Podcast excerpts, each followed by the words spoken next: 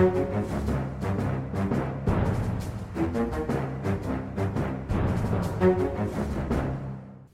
da er vi i gang med den vanskelige andre podkasten her i Aftenpodden. Jeg er politisk journalist Lars Glomnes. Med meg så har jeg politisk redaktør Trine Eilertsen og kulturredaktør Sara Sørheim. Velkommen. Takk, takk. Forrige uke var jo en eh, actionuke med mye som skjedde. Denne uka har det vært eh, to store saker i hvert fall som skal eh, tas opp. Det er Høyres landsmøte og flyktningsituasjonen. Det har ikke vært like lett uh, å komme med gode innganger og temaer til Høyres landsmøte, må vi vel innrømme. Nei, Høyre er preget av drift. Uh, de sitter i driftsfasen, de er ikke i utviklingsfasen, om du kan si det sånn. Og partier som sitter i regjering, de utvikler sørgelig lite politikk. Og kontrasten til de som ikke sitter i regjering, som vi så Arbeiderpartiet i forrige uke, som utvikler masse ny politikk, i hvert fall til å være Eh, utenfor programlandsmøtet, er jo stor. Mm. Jeg har jo holdt på med å skulle planlegge ting til, til dette for dekningen av det.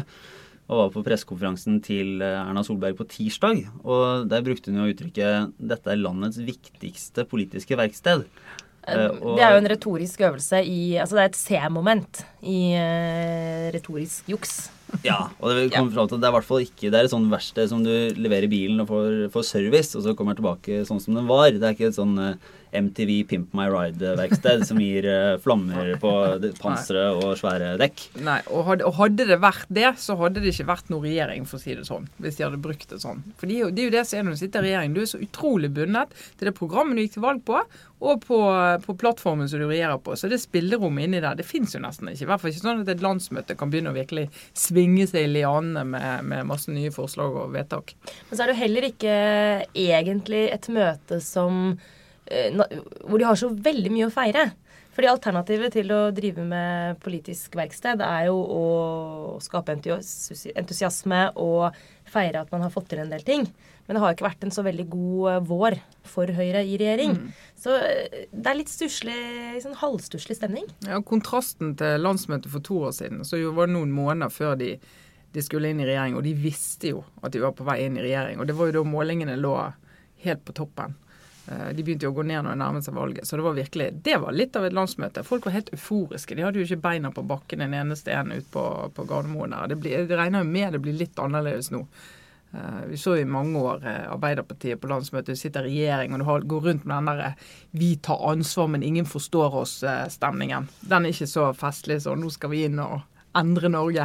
Men selv, selv for, for to år siden så var det jo en del eh, Da klarte jo landsmøtet å få inn noen, eh, noen, stikk mot ledelsen. Det var en ganske heftig var det ikke da det var en ganske heftig debatt om endringer i, i abortloven og, mm. og ja, Du hadde jo sånne saker også som datalagringsdirektivet, som mm. uh, ikke var en så stor sak uh, generelt, men som for Høyre ble en sånn arena hvor de kunne faktisk ha litt ideologisk debatt. Uh, mm. Hvor det var en reell politisk uenighet som fikk lov til å spille seg ut i partiet.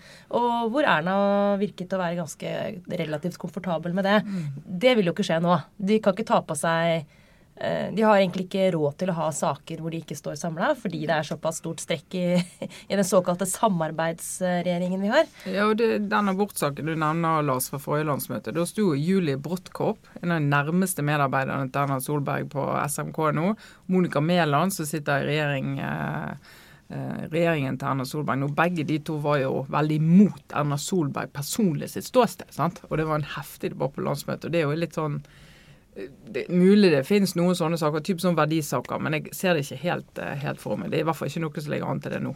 Nei, du, Men du tror altså at det ikke kommer noen skal si, konkret ny politikk fra landsmøtet? Nei, altså Det er noen sånn småjusteringer vi ser. sånn Gratis kjernetid i barnehager knyttet til aktivitetsplikt. Eh, og et par sånne ting hvor de flytter seg litt. Men det er ikke sånn at her har Høyre funnet en ny løsning som de skal eh, gi landet på et stort problem. Det er ikke et sånt landsmøte.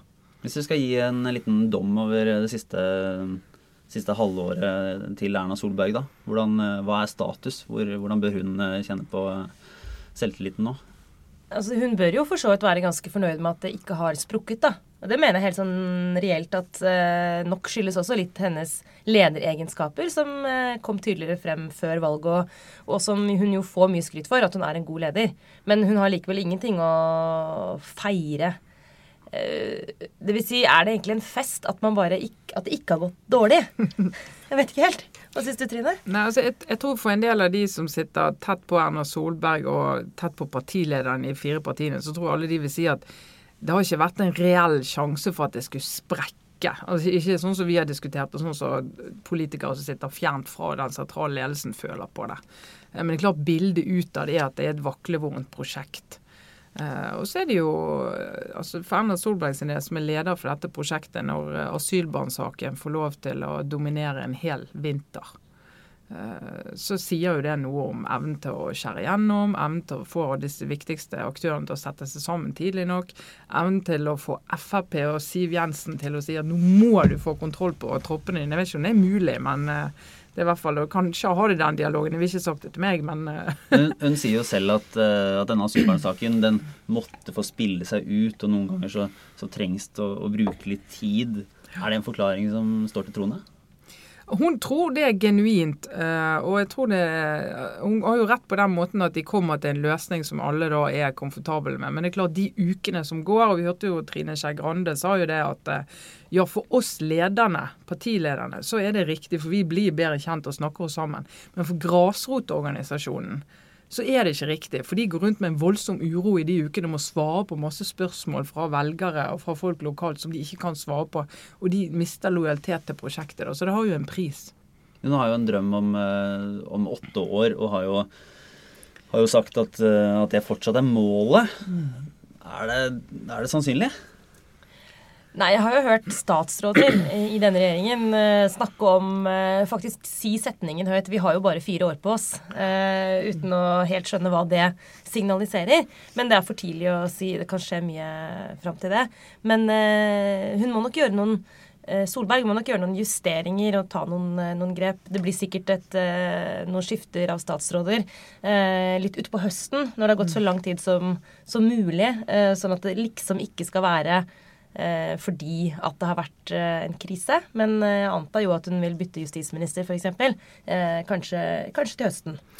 Mm. Og det er ofte etter et kommunevalg så gjør man jo ofte statsrådsskifter med den begrunnelsen at sitzende egnet seg litt, eh, kanskje styrkeforholdet mellom regjeringspartiene. Nå er det jo bare to regjeringspartier, så det blir litt annerledes.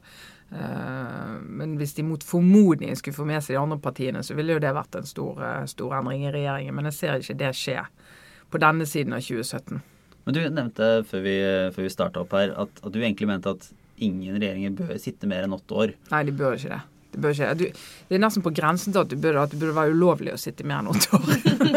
Litt sånn amerikansk tilnærming Ja, litt sånn sånn på amerikansk partinivå. Ja, men det, altså hvis du snakker med folk i, i Arbeiderpartiet nå, så vil de ikke si det åpent, men de er jo så glad for at de tapte det valget i 2013. Nå får de utvikle ny politikk, de får lov å gå inn i nye saker, de får lov å stille spørsmål. Og de siste fire årene brukte de på å forsvare veldig mye politikk, på å se at her burde vi utvikle nye løsninger, men det ville bli opplevd som et nederlag, så de kunne ikke gjøre det. Og Høyre brukte jo alle de åtte årene før regjeringen på å utvikle ny politikk, bygge partiorganisasjon, være kjempesterk. Og nå ser vi at Høyre skal inn i den der eh, vi må forsvare prosjektet og det vi bestemte oss for i 2013. Og det er vanskeligere å, å, å ta initiativ sant, og være liksom på hugget. Så det, det er stor fordel med å være i opposisjon. Og alle partier, Arbeiderpartiet og Høyre, må ikke sitte i posisjon for lenge. Da visner de. Og de er de viktigste partiene vi har. De må, vi- de må vi ta vare på de. Jo, Ta vare på dem gjennom å Ta kaste vare dem. på dem gjennom å kaste de jevnlig. Ja.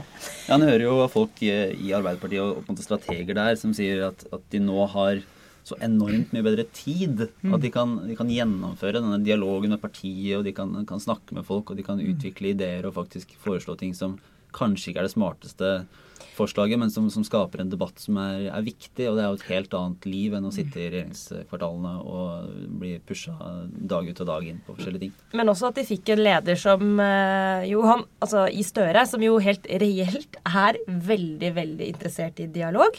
Men, men ikke bare med seg selv. Men eh, det har jo blitt en kultur for å komme med innspill. Eh, sånn at eh, det at Stoltenberg uh, slutta, var en slags blessing in disguise for hele partiet. Jeg tror det er Ja, ja, ganske er bred enighet om Det det. er viktig å ta med. Partilederen bør gå av når regjeringen går av.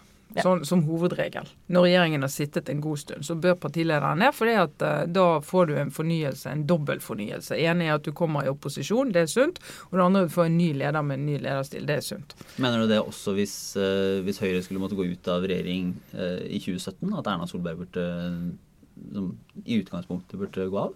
Ja, altså I utgangspunktet vil jeg, hvis jeg, var, hvis jeg var hun i hvert fall, ville jeg tenkt på er det meg Høyre trenger mest nå? Altså De skal inn i en fornyelse hvis de har tapt valget og mistet makten og noen ambisjoner mot Så er, er det, mener jeg det er et ansvar som leder å tenke er det meg organisasjonen trenger mest nå. Det må du gjøre i næringslivet, det må du gjøre i organisasjoner, i partier. Men interessante er jo også om hun evner, i motsetning til Stoltenberg, å la det få lov til å gro frem en ny generasjon av mulige partiledere under seg mens hun er i posisjon. Og det var et kjempeproblem eh, for Arbeiderpartiet i posisjon. Det var jo bare Støre. De hadde jo bare én å ta av. Ja. Og det var lenge en lost generation i Arbeiderpartiet. som Trond Giske er vel egentlig den eneste, og Anniken Huitfeldt eh, fra en hel generasjon politikere som fortsatt sitter i sentrale posisjoner der. Altså det mangler Altså i, i, generasjonen mellom Stoltenberg og det som nå er den nye gullrekka til Støre, som er i begynnelsen av 30-årene, begynnelsen og midten av 30-årene. Mellom der er det jo 20 år med veldig få aktive politikere i sentrale posisjoner i Arbeiderpartiet. Det må Erna Solberg unngå at skjer i Høyre. Hun er nødt til å klare å holde de unge talentene som vokste frem med hele Civita og hele det nye borgerlige samarbeidet, hele tenketankmiljøet på borgerlig side, det må hun holde liv i. Men nå ser vi at mange av de sentrale aktørene der har havnet i statsråds- og statssekretærposisjoner, hvor de blir bundet. sant? Så om, om, det miljøet fortsatt kan leve og drive med et politisk verksted på utsiden av partiet, mm. det er veldig interessant. Og det tror jeg for Høyre sin del er noe av nøkkelen til å eventuelt kunne ta et gjenvalg. Mm. Eh, Syns, ja. Syns, du det er et tegn på at på Civita-miljøet eller eh, Minerva-miljøet for den saks skyld har visna etter at Høyre kom i regjering? Visna eller vokst, jeg vet ikke. Men det er ikke det samme miljøet som det var i opposisjon. Naturlig nok, selvfølgelig, som Trine var inne på, så er det ikke eh, Det å sitte i posisjon er ikke helt forenlig med, med å drive høyttenkning. Eh, men, det er klart at de sterkeste figurene forsvant litt ut. Så de som er igjen, som ikke nå er en del av regjeringsapparatet, er kanskje litt sånn eh, De er litt lost. Ja, og så, og så var jo Civita var jo, fungerte jo som en slags ekstra opposisjon sant, til den rød-grønne regjeringen. Og der kom jo mange av de eh, nye tankene, og ikke minst samarbeidstanken på, på borgerlig side ble utviklet der. Eh, og du hadde sentrale politikere på borgerlig side som kunne sitte og tenke fritt. Og akkurat som det var med eh, de rød-grønne da de satt i regjering. Med en gang du sitter i regjering, så kan du ikke tenke høyt. Du kan ikke tenke fritt, fordi at du har så mye du må passe på eh, å ikke si. Og Da blir det en annen temperatur i det. Så det er veldig spennende å se om Agenda greier å eh, ta en sånn rolle på, på rød-grønn side og faktisk få opp nye ideer og prosjekter. Men er det ikke, er det, ikke det verkstedet som da Høyre liker å kalle landsmøtet sitt, mm. et landsmøte skal være? Altså, når, du, når, du, skal lage et partiprogram, nytt stortingsvalgprogram, så er det bare mer preg av verksted. Da har du mye arbeid på forhånd der du kan få, få gjort en del og utredet masse, selv når du sitter i regjering, eh, eh, kanskje. Men, eh, men, samtidig så er det Bare det at du sitter i regjering på et program og på en regjeringsplattform, gjør deg veldig hemmet i nytenkning. Mm. Det er gjennomføring som gjelder. Hvem er det, Ser du noen på det nye, klare stemmer innad i Høyre som eh, kan ta disse rollene, eller hvordan er det? Det morsomme er jo at det er jo én som har blomstret i denne regjeringen. Eh, en blomst. Litt, litt, flere, da. Jo, men jeg mener det er én sjølveste hestehoven som har kommet opp gjennom asfalten. Ja. Ja. Det er jo eh, holdt på å si ja. de, de, grå massenes øh, mester, nemlig Jan Tore Sanner. Mm. Som jo har eh, Det er din blomst, da. Ja, jeg, jeg, blir litt sånn rørt og glad, for jeg tenker at han eh, jeg synes han virker så Han virker i veldig godt humør. Eh, ja. Til han å være så vil jeg si at han er nærmest eh, sprudlende i sin statsrådsrolle. Jeg tror han trives enormt godt. Virkelig. Og, og, så er det det han har gjort. Dette tror jeg litt på. Det brenner litt for det òg. Hvis du skal inn i en regjering og være statsråd, og du tror at du har kanskje Du vet at du har ja, fire år, da. Si det. Da må du velge det ett prosjekt som er det viktigste. Du kan ikke ha sånn 16 små reformer, for det blir helt usynlig og utydelig, og plutselig så kommer, får du en sak i fanget, asylbarn eller hva det er, som gjør at alt stopper opp for deg. Men han har kommunereform. Det er det han blir målt på. Alt det andre betyr ingenting. Og når du har ett prosjekt, så er det mye lettere å være statsråd enn når du holder på med alt mulig surr. Og i motsetning til jo majoriteten av Norges befolkning, så, så tror jeg Jan Tore Sanner helt genuint opplever at ordet kommunereform er et løfterikt, fantastisk eh, og ikke minst livsbejaende ord. Han, han elsker det. robust. Ja. Ja. Men eh, så han har, eh, han har virkelig vokst, tror jeg, og ligger vel nå, hvis vi skal tenke noen år frem i tid, kanskje veldig mye sterkere an i det heatet som eh, til enhver tid er oppe på sånn partiledereksamen. altså hvem er det nye Hvem skal ta over etter Solberg? Så har- Sterkere enn Bent Høie? Kanskje. Ja, I hvert fall så er han en eh, runner-up. Eh, så har han fått vist at han har sider som ikke kom så godt frem da de var i opposisjon. Han har tålt den posisjonsposisjonen. Men, men Høyre. Høyre har jo to gode nestledere eh, nå. De har det. Det er to av de sterkeste de har. Ofte er det jo sånn at du har kanskje én veldig god nestleder, og så har du en som ikke er så veldig god, for å si det diplomatisk. Eh, Men, det, men så er det jo sånn at det er jo ikke noe automatikk i at det at du er nestleder, så rykker du opp til å bli leder. Det er jo nesten unntaket mer enn mer enn regel. Det er nesten litt sånn kjipt. Du er nestleder, og så ser du alle bare suser forbi deg. sant? Men hvis partilederen får en murstein i hodet, eller begynner å jobbe i Nato, så eh, må det jo eh, fungere, da. En annen eh, Han er nok ikke helt klar for å bli eh, nevnt i samme åndedrag som, som resten. Men eh, Stefan Heggelund er jo regnet som en, en kommende stjerne i Høyre, og har jo fått i oppdrag å, å lede utviklingen av arbeidslivspolitikken. Sitter i, i arbeidskomiteen på Stortinget og skal holde en innledning også i løpet av eh, helgen. Det var lurt litt på, Han er jo da gift med nå nyvalgt nestleder i Arbeiderpartiet, Hadia Tajik. Mm. Altså, det vil jo være veldig Hva betyr det for, for hans muligheter i Høyre, tror dere? At, at han har et så nært forhold til eh, i hermetegn fienden? Dette må vi bruke tid Lars, både og jeg skal på landsmøte. Dette må vi bruke tid på å snakke med folk om. Eh, For det er jo interessant, er ikke tvil om det. Altså, det er mange historier om eh, mennesker fra forskjellige partier som er heltidspolitikere, som eh, bor og lever sammen. Men når det er på dette nivået her, og når Haja Tajik er nestleder i Arbeiderpartiet, som jobber som har som hovedoppgave å jobbe ut en strategi for hvordan de kan knuse Høyre i neste valg, så det er klart at det er, det er litt mer pikant enn vanlig. Ja. Og han har jo fått oppdraget å lede altså Arbeidslivspolitikken er jo et Som er det største krangleområdet som er. sant? Og det er liksom Arbeiderpartiet krystallklar på her blir det reversering når vi kommer. Så hvis Stefan Heggelund får masse gjennomslag, og hans kone kommer i regjering om et par år, så skal hun være med og reversere alt han var med og fikk til. Så det er jo det er interessant, altså. Ja, det er en, eh, en relasjon du ikke kan la være å forholde deg til eh, som partileder. Altså både, og kanskje særlig Solberg, og, men også Støre, må jo mm, som ledere være litt sånn i stuss over hva de skal gjøre nå. Fordi eh, du kan ikke ha begge de du kan. altså Jeg ville ikke vært komfortabel med å vite at en av mine nærmeste støttespillere og, medarbeidere var gift med en som satt på alle de hemmelighetene som du gjør hvis du f.eks. sitter i et sentralstyre. Så det er vanskelig å se for seg at Heggelund kan gå inn i en sånn posisjon i Høyre uten at det blir trøbbel.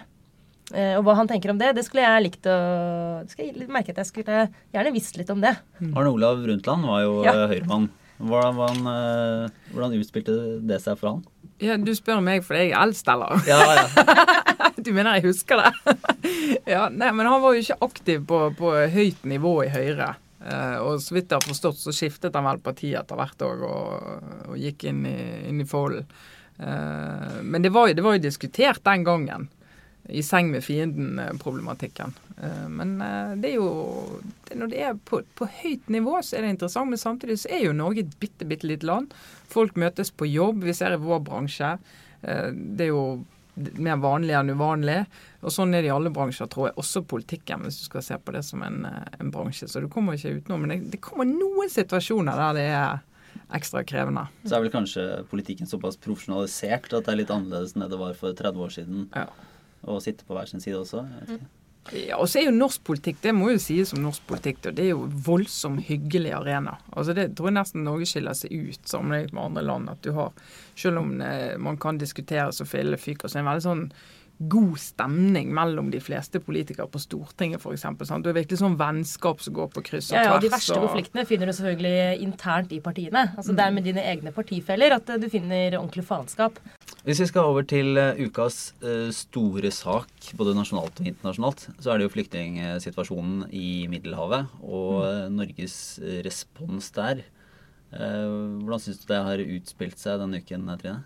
Det har skjedd mye, veldig mye, nesten time for time, dag for dag. Jeg tror vi startet uken med at vi slo fast at Norge var altfor tregt ute. Satt på satt og lurte på om de skulle bidra, eh, norske regjeringen.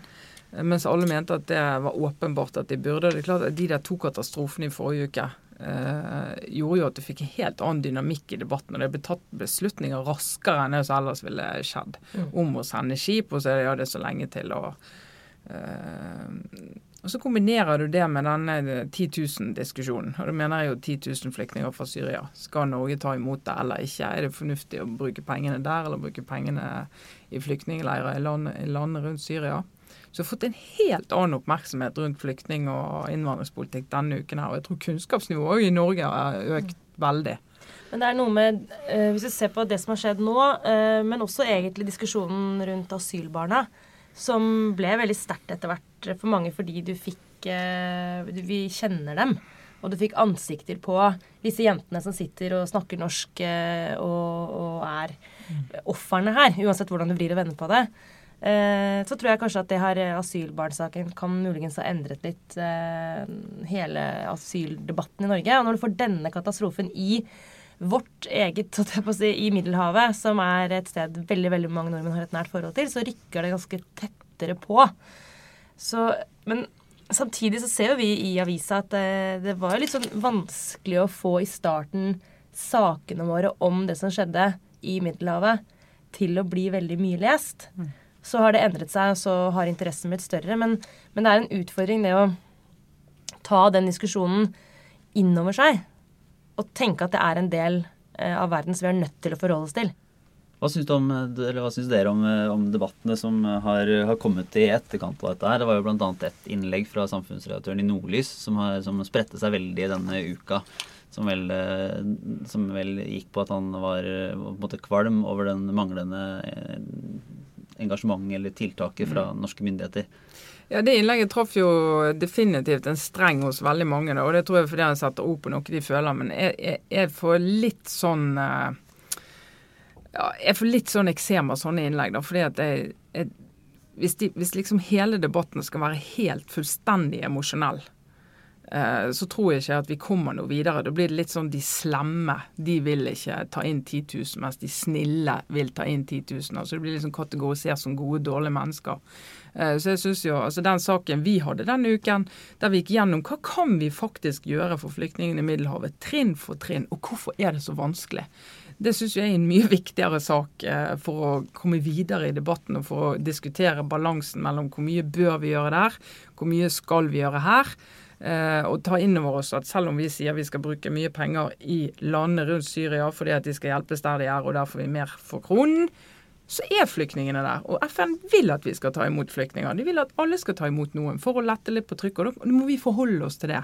Og det er en interessant debatt. Men hvorvidt en kommentator, om det er Nordlys eller hvilket som helst annet medium, blir kvalm av et eller annet, det syns jeg er begrenset eh, interessant. Så skjønner jeg likevel eh, impulsen, fordi eh, som jeg nevnte litt i sted, så er det typisk en sånn utfordring i eh, en redaksjon der når det skjer eh, virkelig sånn som dette her, katastrofer med store humanitære konsekvenser, så, så er det en utfordring å, å, å, få de sakene opp og frem. Og det er fristende. Alle vet at å spille på emosjoner det er en måte hvor du plutselig kan få liksom, mer oppmerksomhet rundt et, en sak eller en mening eller en kommentar på. Men så er det også noe med at det er så utrolig sånn piss i buksa når du fryser-taktikk eh, over lengre tid. Fordi mm. du flytter ikke eh, verken debatten eller kunnskapsnivået noe som helst sted. Det er en sånn pingpong-mekanikk. Men eh, denne saken her viser jo også at det er kanskje altså, jeg tenker nå, Grunnen til at jeg nesten ikke klarer å snakke engang, jeg tenker på det bildet av den ungen som blir løftet opp av vannet mm. med den topplua. Som, som, jeg, som, jeg, også flere andre har skrevet, Det er sånn bilde som du bare begynner å gråte av med en gang du ser det. Mm.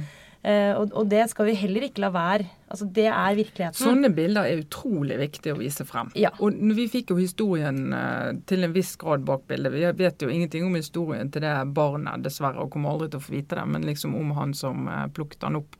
Og de fortellingene skal du fortelle, for det, det illustrerer dramaet. At det er ikke bare snakk om rederier og store tall og flyktningleirer og lykkejegere. Det er snakk om veldig, veldig konkrete mennesker. Og det syns jeg er mer sånn eh, Det å vise fram det som gjør at vi kan bli ordentlig følelsesmessig berørt, er viktig. Men det er det, det er, det er på en måte å holde tunga rett i munnen på at eh, det der å bli berørt fordi du ser noe som er trist Men det å som sitte og, og, og, slenge ut sine egne følelser på den måten, i den kommentarformen, syns jeg er eh, akkurat som Trine er litt sånn Ja, det, det, vi trenger ikke det. Det er mer enn nok å ta av her. Men, men den akkurat det bildet og den historien, og intervjuet med han som, eh, som eh, tok imot dette barnet, som da ikke klarte seg, det tror jeg blir stående igjen. I hvert fall for meg så kommer det til å være bildet på den katastrofen, og også den der følelsen av urgency, og at vi må gjøre noe.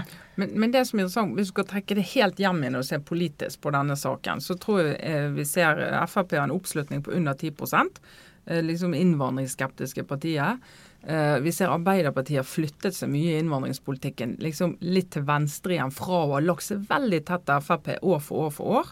Uh, og det tror jeg speiler også at folk, altså det norske folk har flyttet seg en del i det spørsmålet. I en tid der flyktningstrømmen aldri har vært større.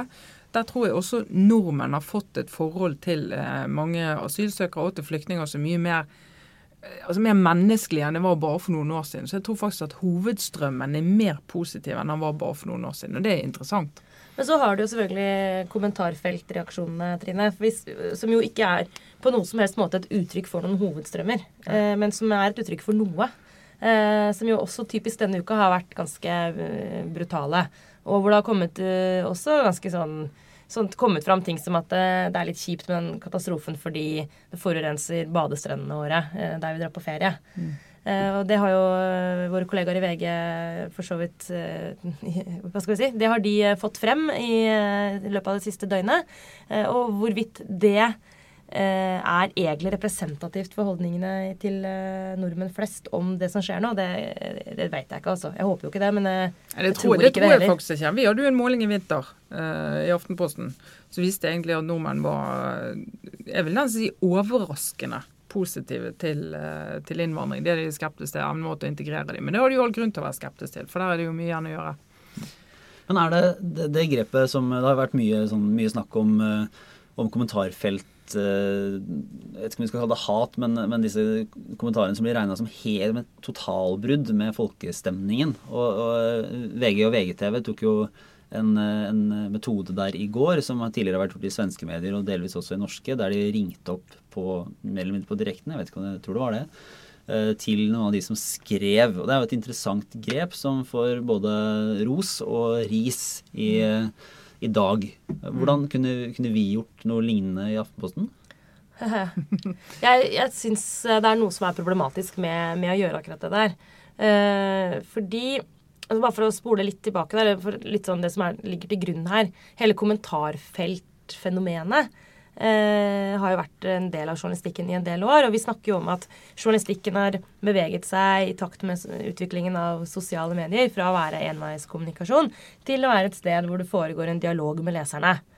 Men det er noe vi sier, men i praksis så er den dialogen veldig begrensa den er ofte egentlig begrenset til at du har et kommentarfelt under artiklene som ingen forholder seg til, bortsett fra de som er den typiske kommentarfeltgjengen. Eh, og jeg tror ikke noen av de etablerte norske mediene egentlig har endret så veldig veldig mye på hva, hvem vi bruker som kilder. Selv om vi har fått en arena hvor leserne kan delta mer aktivt. Mm. Så det er litt skinnhellig hele den påstanden. Og så ser du at når VG nå da plutselig interesserer seg for kommentarfeltet og går inn og konkret lager saker på enkeltytringer i kommentarfeltene, så blir det litt ureint trav. Fordi maktforholdet mellom redaksjonen og VG som avsender og den enkelte som har skrevet i kommentarfeltet, er så skeiv i utgangspunktet at det, mm, jeg, jeg syns det er litt eh, jeg opplever det som litt lite varsomt, faktisk, behandlingen av eh, de som de har hentet opp nå, og som de kringkaster meningene til. Eh, men, men jeg Men er det ja. ikke sånn at, eh, at når man Det har kanskje ikke vært praksis ofte, men når man skriver et, et innlegg i et kommentarfelt, så henvender man seg jo til avisen. Og da er det jo det er vel positivt at man får svar. Og når man skriver ting som, som også er, eh, er ganske langt på sida av det som foregår i resten av debatten, så Jo, er det en måte å ta det inn på. I den, dette, eh, poenget med denne sendingen er jo å eh, henge ut de holdningene til disse menneskene som har skrevet om denne konkrete katastrofen. Det, og det kan gå, være helt ok, det, for det er ikke gode holdninger. Men, men det er ikke noe tvil om at VG altså, VG vet hva de gjør. Det er en, en veldig tendensiøs intro på programmet, hvor du viser veldig veldig eh, grusomme og gripende bilder av mennesker i den ytterste nød. Og så setter du det opp mot eh, ganske tankeløse og kjipe meninger som er blitt skrevet i et kommentarfelt. Og det er klart at du får ikke noe sympati med den eh, avsenderen.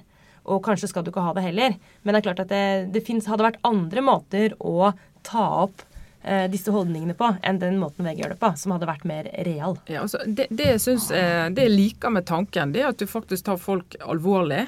eh, og går inn i argumentasjonen deres og utfordrer de på det. Kan du utdype, hvis du får den kunnskapen, mener du det fremdeles? At liksom gjør det. Og det er jo det vi har snakket mye om eh, etter 22.07. Har vi jo snakket om alle de meningene som aldri kommer opp, og aldri, derfor aldri blir utfordret. sant? Snakke om dette trollet som sprekker i solen. Eh, så, så, så akkurat den tanken liker jeg. Men så det noe med metoden. for jeg tenker, hvis, hvis en helt vanlig samfunnsdebattant hadde bare blitt ringt opp, og så var du midt i et intervju Det gjør vi med nesten ingen.